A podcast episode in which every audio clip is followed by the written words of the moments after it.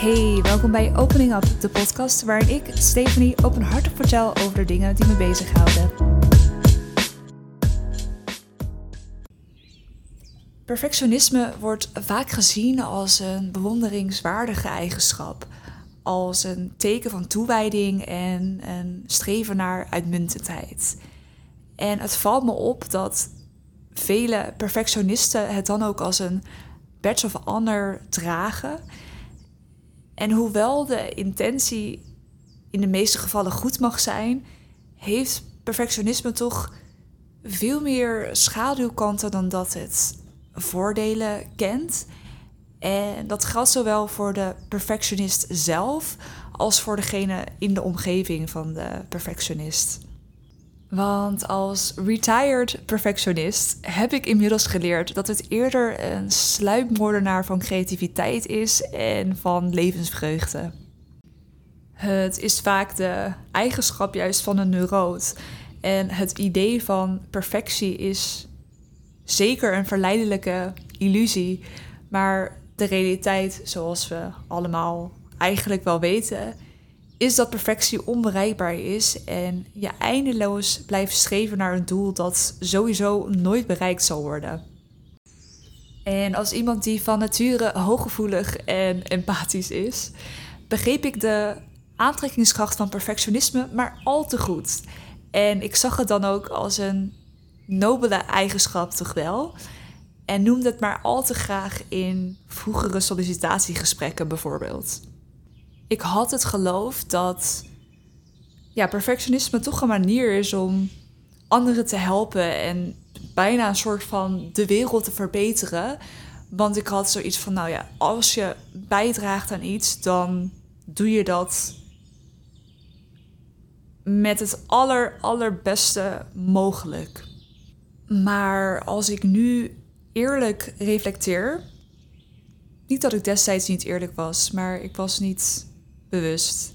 Ehm, ja, is dat slechts een excuus dat toch wel onze ego, dat verlangt naar perfectie, ons influistert? Het streven naar perfectie kan zich op verschillende manieren manifesteren. Dus ik stelde met name onrealistische eisen aan mezelf, maar ook aan anderen in persoonlijke en werkrelaties. Wat vooral leidde tot ontevredenheid en angsten. En op creatief gebied vond ik mezelf vaak vastzitten in de zoektocht naar de perfecte compositie of het perfecte verhaal erachter of nou ja, de perfecte kunstwerk in zijn totaliteit. En dat belemmerde mijn creativiteit. En in de meeste gevallen weerhield perfectionisme van het werkelijke of daadwerkelijke delen van mijn creaties of gedachten. Want met die mindset is nooit iets klaar. Maar ondertussen tikt de tijd door en de beperkte tijd die je hier op de wereld hebt.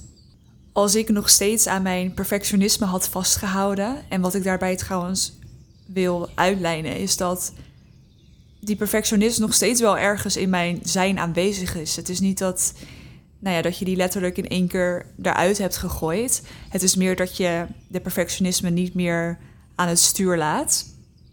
Maar als ik die dus nog wel aan het stuur had gelaten, dan was bijvoorbeeld deze podcast er niet geweest. Had ik niet op andere manieren ehm, verhalen gedeeld en geen fotografie gedaan. Want ja, er is altijd wat te zeggen of wat te horen. En nu Bijvoorbeeld ben ik me er ook bewust van dat ik in de afgelopen paar minuten woorden verkeerd heb gezegd. Of in een uh, podcast voorheen hoorde ik dat ik bijvoorbeeld verkeerde spreekwoorden gebruikte. En als die perfectionist aanwezig was geweest, dan had ik het ofwel helemaal niet gedeeld, of had ik het 500 keer opnieuw opgenomen totdat het perfect was. Maar zodra het dan perfect is, is het ook weer te veel gekunsteld in ieder geval, ehm, het perspectief wat ik dan nu heb, is dat empathische mensen ervaren vaak perfectionisme als een, een masker. En ehm, het is een manier om hun diepere onzekerheden te verbergen.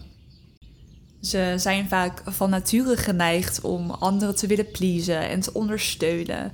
Maar nou ja, perfectionisme die kan deze behoefte tot het uiterste drijven. En het masker van perfectie kan de echte gevoelens en de behoeften van empathische mensen dan verbergen en hun vermogen om authentiek en kwetsbaar te zijn belemmeren. En dit masker is dus eigenlijk ons ego, dat altijd streeft naar perfectie. Het ego is buitengewoon perfectionistisch en wil eigenlijk altijd hoger en beter zijn. En hierin schuilt dan dus ook direct een paradox. Want met het ego is perfectie sowieso nooit haalbaar. Dus al die inspanningen om perfect te zijn of om perfect een werk af te leveren zijn zinloos en absurd. Je zou kunnen zeggen dat echte perfectie alleen bereikt kan worden als je ego op de achtergrond treedt. Maar op dat moment, dan denken we dus juist helemaal niet aan perfectie. En de ware kunstenaar, die begrijpt dit.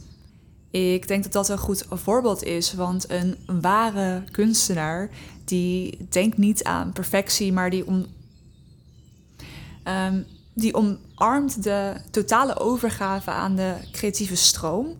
En totaliteit, dus niet perfectie, is daarbij hun doel.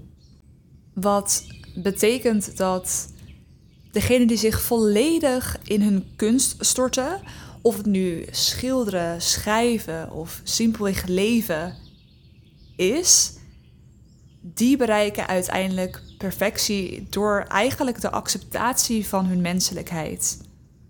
Mensen die dansen en zich echt laten leiden door de dans, die dansen het puurs. En die lijken soms letterlijk te zweven. En dat is niet de technische perfectionist dus, die zoveel verwondering oproept. Het mooie is dus dat degene die zich volledig in hun kunst storten, letterlijke kunst of de kunst van het leven, uh, en dus de totaliteit omarmen, dat die uiteindelijk een soort van perfectie bereiken. En aan de andere kant, degenen die vasthouden aan de zoektocht naar perfectie en altijd alles zo goed mogelijk willen doen, die voelen zich nooit volmaakt. En volmaakt is misschien niet het goede woord, maar gewoon je vol voelen, je heel voelen.